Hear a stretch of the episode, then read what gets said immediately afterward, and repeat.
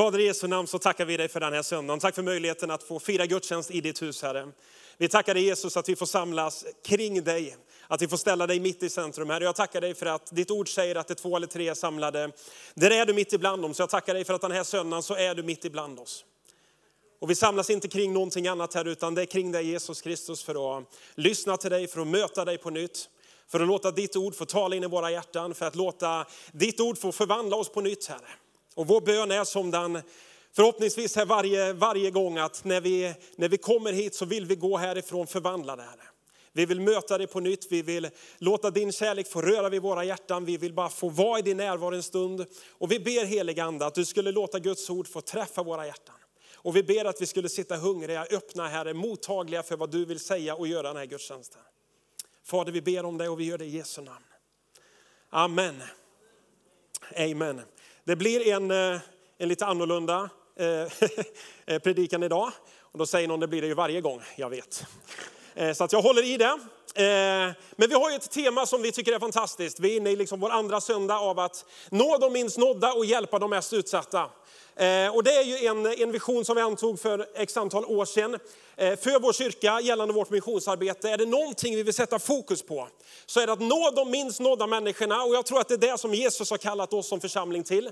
Vi vill ta evangeliet ut till de som aldrig har hört innan. Det finns så många som jobbar i de kristna delarna, vilket är fantastiskt också. Men någonstans så tror jag att vi som kyrka behöver rikta ännu mer medel, ännu mer kraft, ännu mer av vår energi på att nå dem som aldrig har hört. För det finns så många människor runt om i världen, vi hörde det förra veckan när Peter var här, som ännu inte har hört evangeliet. Eh, och jag tror att vi bara behöver, och vi har de här veckorna för att sätta fokus än en gång och säga det är dit vi vill. Och ibland så innebär det att vi behöver förändra projekten, vi behöver rikta om fokus och vi behöver hela tiden vara lyhörda för vad den helige Ande vill säga till oss så att vi gör rätt saker. Och ibland så stängs vissa dörrar, ibland så öppnas de. Ibland tycker man att vad väldigt vad ni förändrar. Och jag kan säga att vi kommer fortsätta förändra. Varför då? För att vi vill hela tiden vara där Gud vill att vi ska vara. Och vi vill göra det han kallar oss att göra. Eh, sen tror jag på uthållighet, jag tror på att göra saker eh, liksom ut med tid också. Men vi behöver lyssna in. Eh, och den andra delen vi har är att hjälpa de mest utsatta människorna. Och är det någonstans vi upptäcker av, av Jesu liv och, och när vi läser Bibeln så är det hans enorma hjärta för de vi kallar svaga i samhället, för de fattiga, för de tilltufsade, för de som är, har det lite tuffare än andra. Och jag tror att om, om det ligger på Guds hjärta så behöver det ligga på våra hjärtan. Och jag tycker det är så intressant att, att följa Jesu liv och om man skulle backa tillbaka i tid ungefär 2000 år när Jesus levde här. Eh, ni vet att när han är ungefär runt 30 år gammal så, så blir han döpt av Johannes döparen i Jordan. Och så förs han ut i vildmarken eller i öknen. Och så frestas han av djävulen i 40 dagar vet ni. Eh, och så kommer man rakt in i Lukas eh, evangelie att efter de 40 dagarna så, Eh, så ska vi, vi ska läsa i Lukas kapitel 4. Eh, men då har vi storyn, han har precis liksom eh, blivit döpt. Och så står det ifrån vers 14 så här, i andens kraft så återvände Jesus till Galileen. Och ryktet om honom gick ut i hela området. Han undervisade i deras synagogor och fick lovord av alla. Så kom han till Nasaret där han hade vuxit upp. På sabbaten så gick han som han brukade till synagogan påminner jag, det är väldigt härligt att läsa att Jesus gick som han brukade till synagogan. kan vara en liten påminnelse ibland. Eh, så gick han som han brukade till synagogan. Han reste sig för att läsa ur skriften och man räckte honom profeten Jesajas bokrulle. Han öppnade rullen och fann stället där det står skrivet. Kan ni bara föreställa er, han kommer till staden där han har vuxit upp. Folket är samlade i synagogan, judarna sitter där. Han har precis blivit döpt av Johannes, han har varit ute i öknen. Han är där mitt bland alla och så är han redo att läsa Guds ord och så räcker de fram profeten Jesajas bokrulle. Så öppnar han den här bokrullen och så börjar han läsa Herrens ande är över mig. För han har smort mig till att förkunna glädjens budskap för de fattiga. Han har sänt mig att utropa frihet för de fångna och syn för de blinda att ge de förtryckta frihet och förkunna ett nådens år från Herren. Och så rullar han ihop bokrullen. Han räcker det till tjänaren och så satte han sig. Alla i synagogan hade sina ögon fästa på honom. Då började han tala till dem. Idag har det här stället i skriften gått i uppfyllelse inför er som lyssnar. Och så börjar han berätta. Men jag tycker det är så fascinerande. Det första Jesus gör är att han hittar den här liksom skriftstället i Jesaja och så läser han Herrens ande är över mig. Han har smort mig till vad då? Till att förkunna glädjens budskap för de fattiga. Det är frihet för de fångna, det är syn för de blinda, det är att ge de förtryckta frihet och predika ett nådens år från Herren. Och jag gick in och tänkte att jag ska köra det här ett nådens år, jubelåret. Nu ska jag, tänkte jag, nu har jag någonting på gång. Eh, men jag släppte det. Jag tar det en annan gång. Eh, men så tänkte jag så här, hur ska man göra det? Det är ett ganska tufft uppdrag. Tänk, vet, det här är ju som vår arbetsbeskrivning idag. Vi ska prika glädjens budskap för vilka då? För de fattiga. Det är vad vi kallade till. Frihet för de fångna. Det är precis vad som hände igår. Du vet när vi praktiskt börjar gå för att uppmärksamma och hjälpa människor till frihet. Det är vad, vad Jesus faktiskt kallade oss till. Syn för de blinda genom förtryckta frihet och förkunna ett nådens år. Men så, så, så missar man starten ibland. Vad är det som gjorde att han kunde göra det här? Han började med att säga Herrens ande är över mig. Han har smort mig. Och så börjar han med programförklaring. Herrens ande är över mig, han har smort mig. Vilket innebär att han hade aldrig, ja men det är ju Guds son absolut, men han hade aldrig gjort det där i egen kraft. Han säger Herrens ande är över mig, han har smort mig till att förkunna. Och vi som är kristna och sitter där inne, de flesta av oss, vet om att vad är det som gör att, att, att vi kan ta evangeliet vidare? För att vi har fått del av den helige ande. Gud har smort oss med den helige andes kraft. Samma ande som bodde i Jesus bor nu i oss. Samma ande som väckte upp Jesus från de döda bor nu i oss. Underbart. Högre. Amen. Du vet Herrens ande, du vet samma ande. Du vet, ibland så jag får ta det här många gånger för mig själv ibland. Samma ande som väckte upp Jesus från de döda bor nu i mig.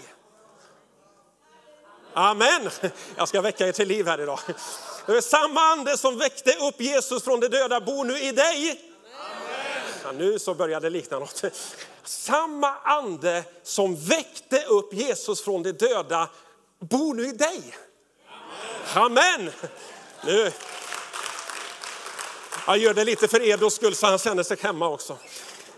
Det behövs lite African style ibland. I. Buona Jesus asifive. Amen.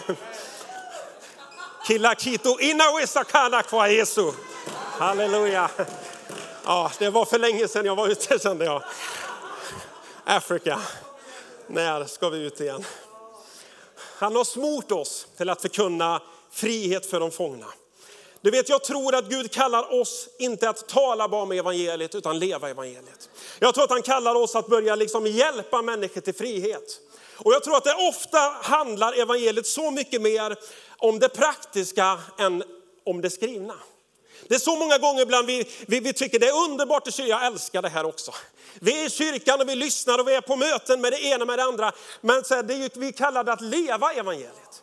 Vi är här, någon sa till mig så här, vet, söndag förmiddag det är ju egentligen eh, som personalmötet. Så. Vi kommer ju hit för att få reda på vad vi ska göra för kommande vecka. Vi samlar trupperna och så riktar vi, liksom, vad är riktningen den här veckan? Vi kommer hit för att få kraft och arbetsbeskrivning så vi kan ut för att göra jobbet. Och så sa min vän så här till mig, aldrig har jag varit med om att man har tyckt så mycket om ett personalrum som i kyrkan. Inte här alltså, utan på andra ställen.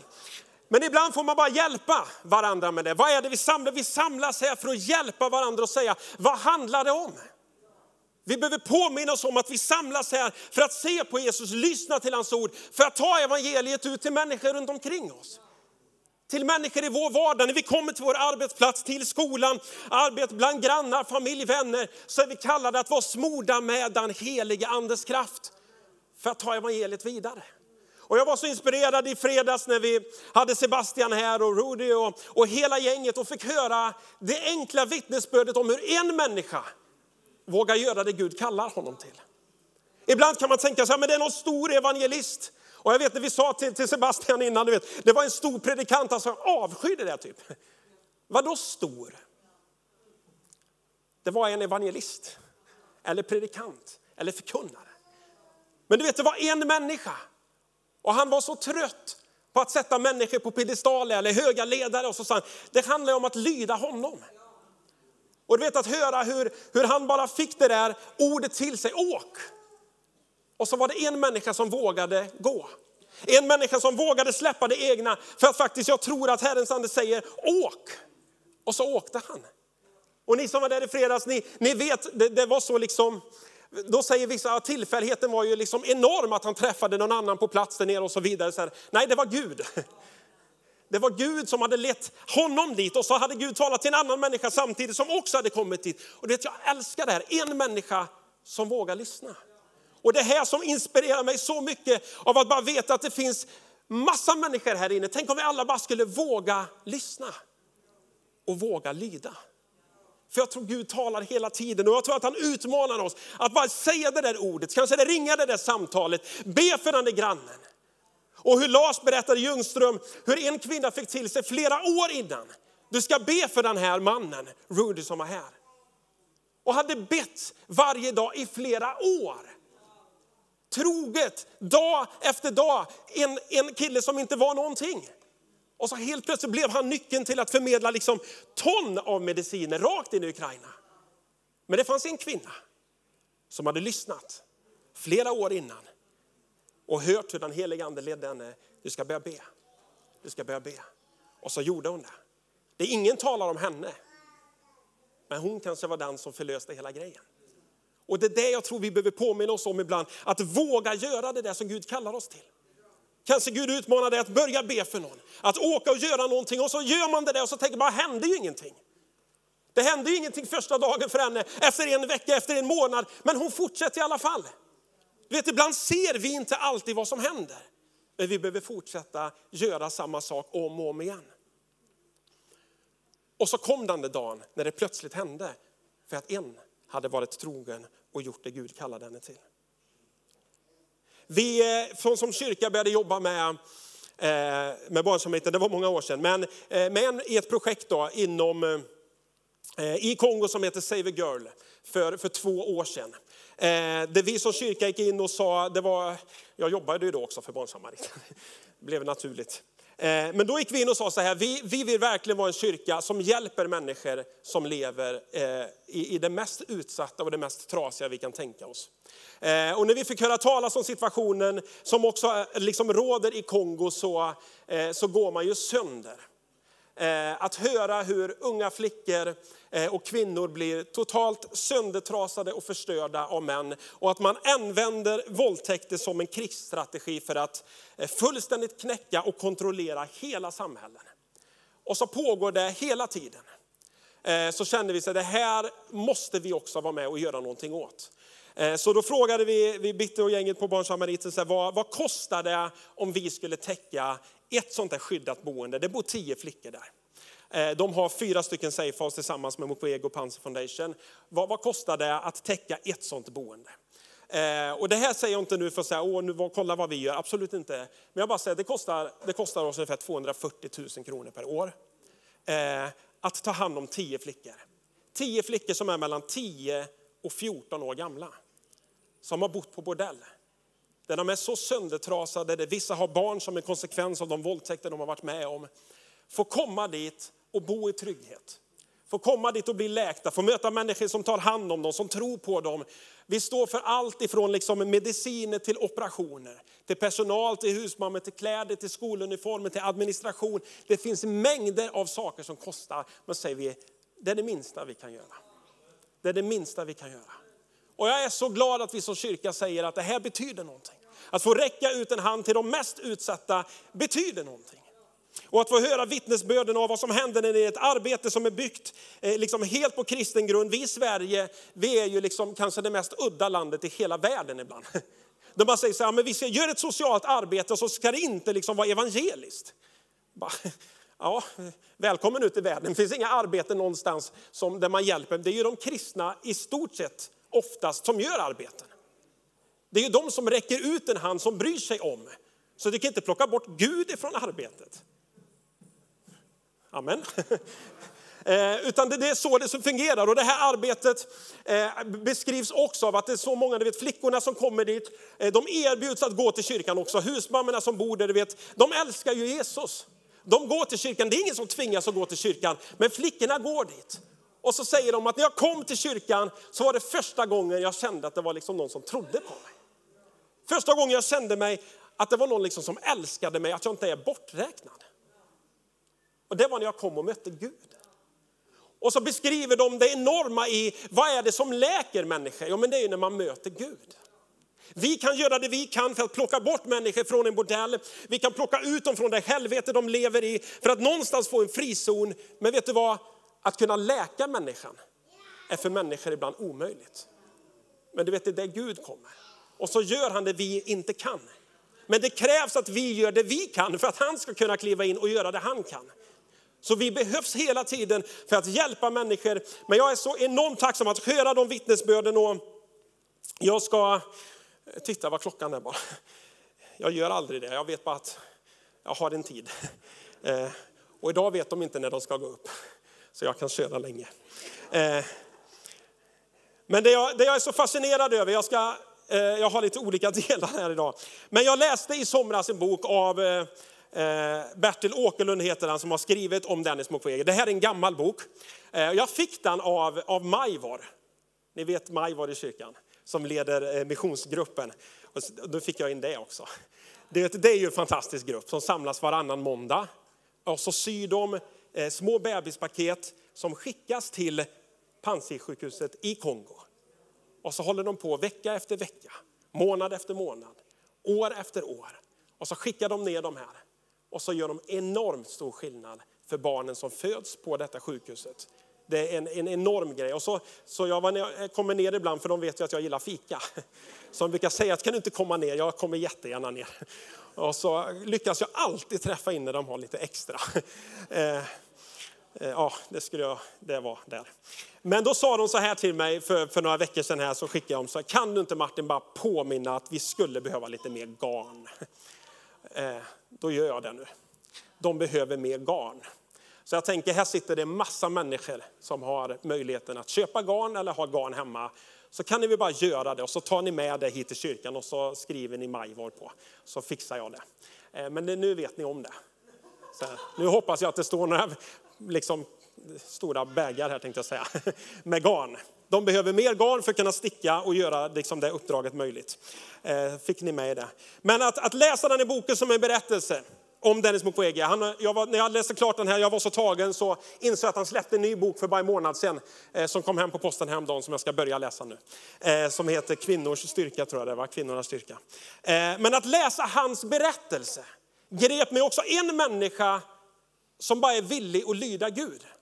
Jag tror att han var åtta eller nio år när han fick sin liksom kallelse av att bli en människa som hjälper någon annan. Och då sa han, jag visste inte vad det innebar, jag bara visste att jag ville bli en man i vit rock som hjälper någon annan. Och så hade han en dröm till slut, jag vill bli läkare. Men så sätter landet stopp för honom och skickar honom till en annan del och sa, du måste bli ingenjör. Alltså, men jag vill ju bli läkare, vad det var med. han hade ingen möjlighet. Och så, så får han läsa till ingenjör, till slut så kommer han till Burundi. Och så påbörjar han sina läkarstudier och så kommer han till Frankrike och så får han gå och liksom bli, eh, läsa gynekologi, och där, vad blir man? Gynekolog heter det. Eh, och han hade alla möjligheter i världen. Att bli, liksom, han är en superduktig läkare, att kunna få jobb vart som helst i Europa. Och sen det bara någonting på insidan gör, jag vill tillbaka. Jag har sett för mycket för att kunna lämna. Och du vet, Det rör mig så mycket. Att ha den utbildningen, kunna allt det där, men säga vet du vad, det finns någonting som betyder mer. Det är inte att ha ett bra jobb bara, det är inte att tjäna mycket, det är inte att fixa allting för familjen. Det är att hjälpa någon annan. Att åka tillbaka till ingenstans i Bukavu, vara med och bygga upp Panzisjukhuset, hjälpa tusentals efter tusentals kvinnor som är så trasiga så förnedrade som ingen annan lyssnar på. Och så säger han, tänk om jag bara kunde få vara deras röst. Tänk om jag bara kunde föra det vidare. Och så skriver han, du vet, att få bli inbjuden till FN till slut och tala om det där. Men ändå så händer det inte så mycket. Och man kämpar år efter år. Och man tycker att du vet, man blir sviken av det ena efter det andra. Man möter motgångar, man möter tuffa saker. Men man säger, jag kommer fortsätta i alla fall. För att man inte är ute efter att få berömmelse, man är ute efter att hjälpa en människa till. Och som du skrev innan i boken, han beskriver att han en dag kom hem till sin, liksom, eh, körde in genom porten till sin trädgård. Och, och helt plötsligt så är det andra människor som har tagit sig in där. Och en av hans vakter kastar sig framför honom och tar skottet som gör att han dör. Men Mukwege klarar sig. Då kan man vara beredd att kasta in handduken. Men så säger man, jag vill inte ge upp. En annan gång så hade han flytt landet och kom tillbaka och ser att skotthålet har gått in i hans kontor på platsen där han skulle ha suttit. För de trodde han var där. Men så säger han, jag vill tillbaka igen. Jag vill fortsätta kämpa, jag vill fortsätta hjälpa en människa till. Och du vet, det här blir, det blir ett sånt föredöme i att följa det Gud kallar en till. I att faktiskt säga ja, trots att det är ett enormt högt pris att betala, så säger han, vet, jag vill bara göra det. Varför? Därför att jag vill vara en röst för de mest utsatta. Jesus sa i Matteus 5 och 14, ni är världens ljus. Och bara någon vers längre fram så säger han, på samma sätt så ska ert ljus lysa för människorna så att de ser era goda gärningar och prisar er far i himlen. Och jag tänker att det är precis det som Mukwege är. Han har tagit emot Jesus, han får vara världens ljus. Han får låta hans goda gärningar lysa så att människor ser honom så prisar de Gud. För det är vad man gör, det är inte Mukwege i sig vi prisar. Vi tackar Gud för att en människa är lydig att göra det Gud har kallat honom till. Jag ska dela med mig om eh, en, en berättelse, men jag ska, av det hemmet som vi stödjer, av de tio flickorna så eh, bor de där under ett års tid och så får de rehabiliteras och läkas och så jobbar man för att de sen ska kunna flytta hem till sin eh, mamma igen. Eh, ska, och så fortsätter man ge dem bidrag så att de kan gå till skolan för att vi vet, som de flesta vet, att utbildning är oftast vägen ut ur fattigdom. Att ge människor utbildning är ett sätt att ge dem självförtroende, ett status en dag, ett arbete, att kunna försörja sig, att få sin värdighet tillbaka, att få tillbaka leendet, hoppet i ögonen. Eh, så, så fortsätter man och så förbereder man dem för att kunna komma tillbaka, integreras och så en dag eh, få kunna liksom försörja sig själv och sin familj och så har man en ny framtid. Men så ska jag bara berätta om en flicka, hon heter Moleba. Jag ska se om vi får upp en bild på henne här. Eh, och jag tror att eh, eh, ni ska, teamet kan snart få komma upp där också. Eh, men hon var eh, 11 år gammal eh, när hon bodde tillsammans med, med sina eh, föräldrar. Nu ska vi se, jag ska bara få, det är så många berättelser men jag får ta lite mer innantill här tror jag. Moleba, hon, eh, hon hade fem syskon.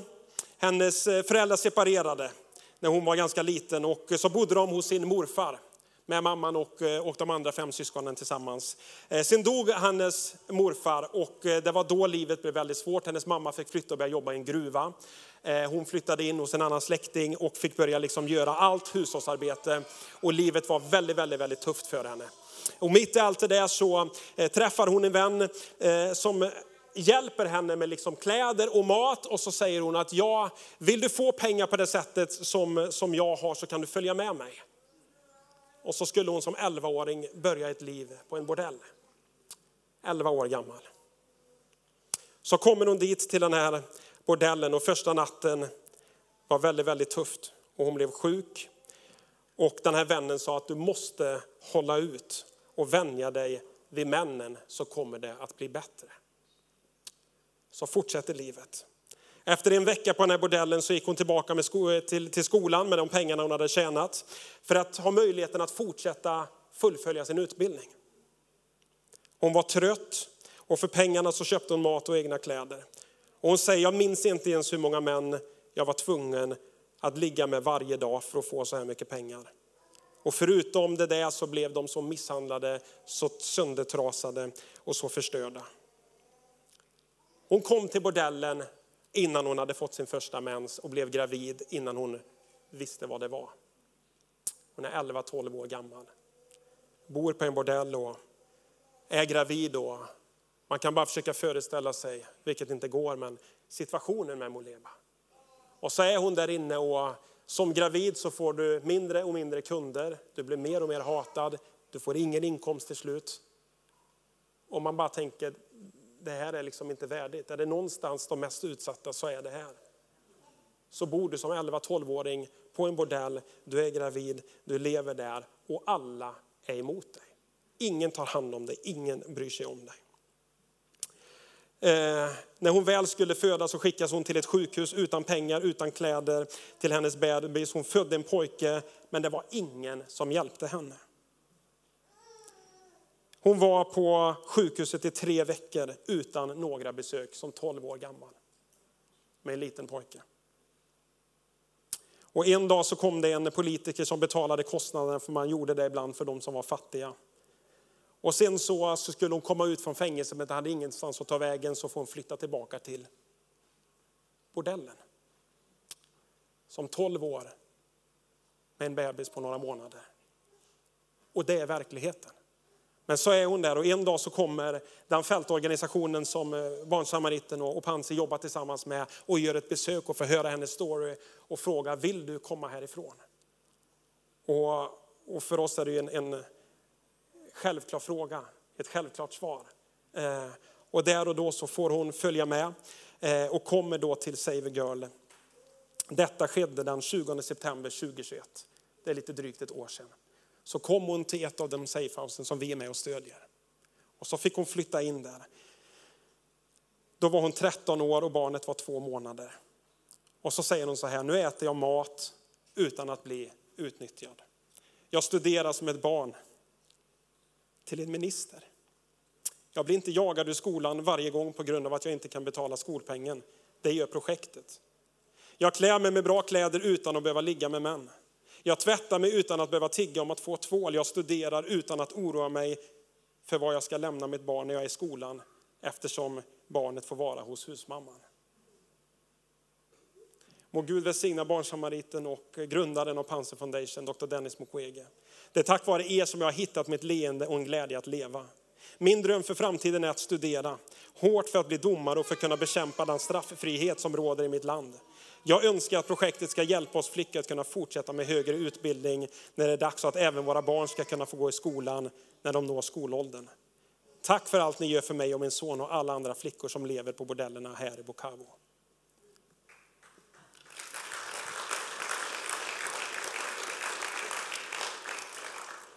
Vet ni vad, det är det här som vi är med och gör. Det är det här som vi får vara med och bidra till när vi av våra medel säger vi vill hjälpa de mest utsatta. Teamet kan jättegärna få komma upp och göra sig redo här och börja spela också. Vi ska gå mot avslutningen. Och man kan bara kort säga så här att, att av de barnen som, som bor under ett års tid, det som är intressant med, eh, med den här flickan nu då, det är att hon är eh, på väg att flytta hem nu då, till sin mamma. Och så har man jobbat och så ger man ett skolfadderstöd för att hon ska kunna fortsätta gå i skolan och få en ljus framtid. Men att höra henne säga tack att ni har gett mig leende tillbaka. Tack att det är ni som har räddat mig, det är ni som har tagit hand om mig. Och jag skulle bara önska att det skulle trigga oss att fortsätta hjälpa. Att vara människor som fortsätter kämpa, fortsätter höja vår röst för de som inte har någon röst. Fortsätter att vara liksom någon för dem som ingen annan bryr sig om. Och jag vet att vart än vänder oss i världen så finns det så mycket utsatthet, så mycket trasiga människor, så mycket nöd. Men någonstans så skulle jag säga att det här är bland det mörkaste av det mörka. Kanske det tuffaste av det tuffa. Men mitt i all smärta så finns det läkedom. Mitt i allt mörker så finns det ett ljus och mitt i allt elände finns det hopp. Och hoppet är en person som heter Jesus Kristus. Det hoppet förändrar människors liv. Den personen förändrar människors liv och förvandlar människors liv varje dag. Runt om i världen. Och att höra denna flickan säga att,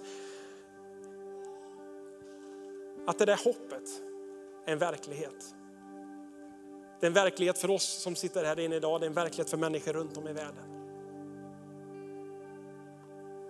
I Galaterbrevet kapitel 6 och vers 9 så, låter, så står det så här, Paulus skriver till Galaterna och säger låt oss inte tröttna på att göra gott. Ty när tiden är inne får vi skörda om vi inte ger upp. Låt oss inte tröttna på att göra gott. Låt oss inte trötta på att fortsätta hjälpa människor, fortsätta kämpa, fortsätta be, fortsätta sträcka ut en hand till. Vi gör det till de här, men jag tror att det finns en utmaning till dig och mig. För vi har människor i vår närhet som är de tilltufsade också. Vi har människor i vår stad som är utsatta, som har väldigt, väldigt tuffa liv. Som väntar på att en Kristuslik människa skulle komma med hopp. Som väntar på ett leende från någon, som väntar på ett samtal, som väntar på en matkasse, som väntar på ett besök. Jag skulle bara önska att det här får utmana oss i våra kristna liv. Att låta evangeliet bli praktiskt. Att låta evangeliet få bli en verklighet. Det står, och Jesus säger att det är inte de friska som behöver läkare. Det är de sjuka. Han säger att jag, jag vill inte se offer i första hand, jag vill se barmhärtighet. Och när hela evangeliet, hela lagen och profeterna sammanfattas så görs det i två bud. Du ska älska Herren i Gud av hela ditt hjärta, av hela din själ, med hela ditt förstånd, med all din kraft. Och så ska du älska din nästa som dig själv. Där sammanfattas hela lagen och profeterna. Det är evangeliet i sin kärna. Och du vet, ju mer vi älskar Jesus, desto mer kommer vi älska människor. Ju närmare Jesus vi kommer, desto närmare människor kommer vi komma. Ju närmare, ju mer vi låter han fylla våra liv, desto mer kommer det lysa för andra människor.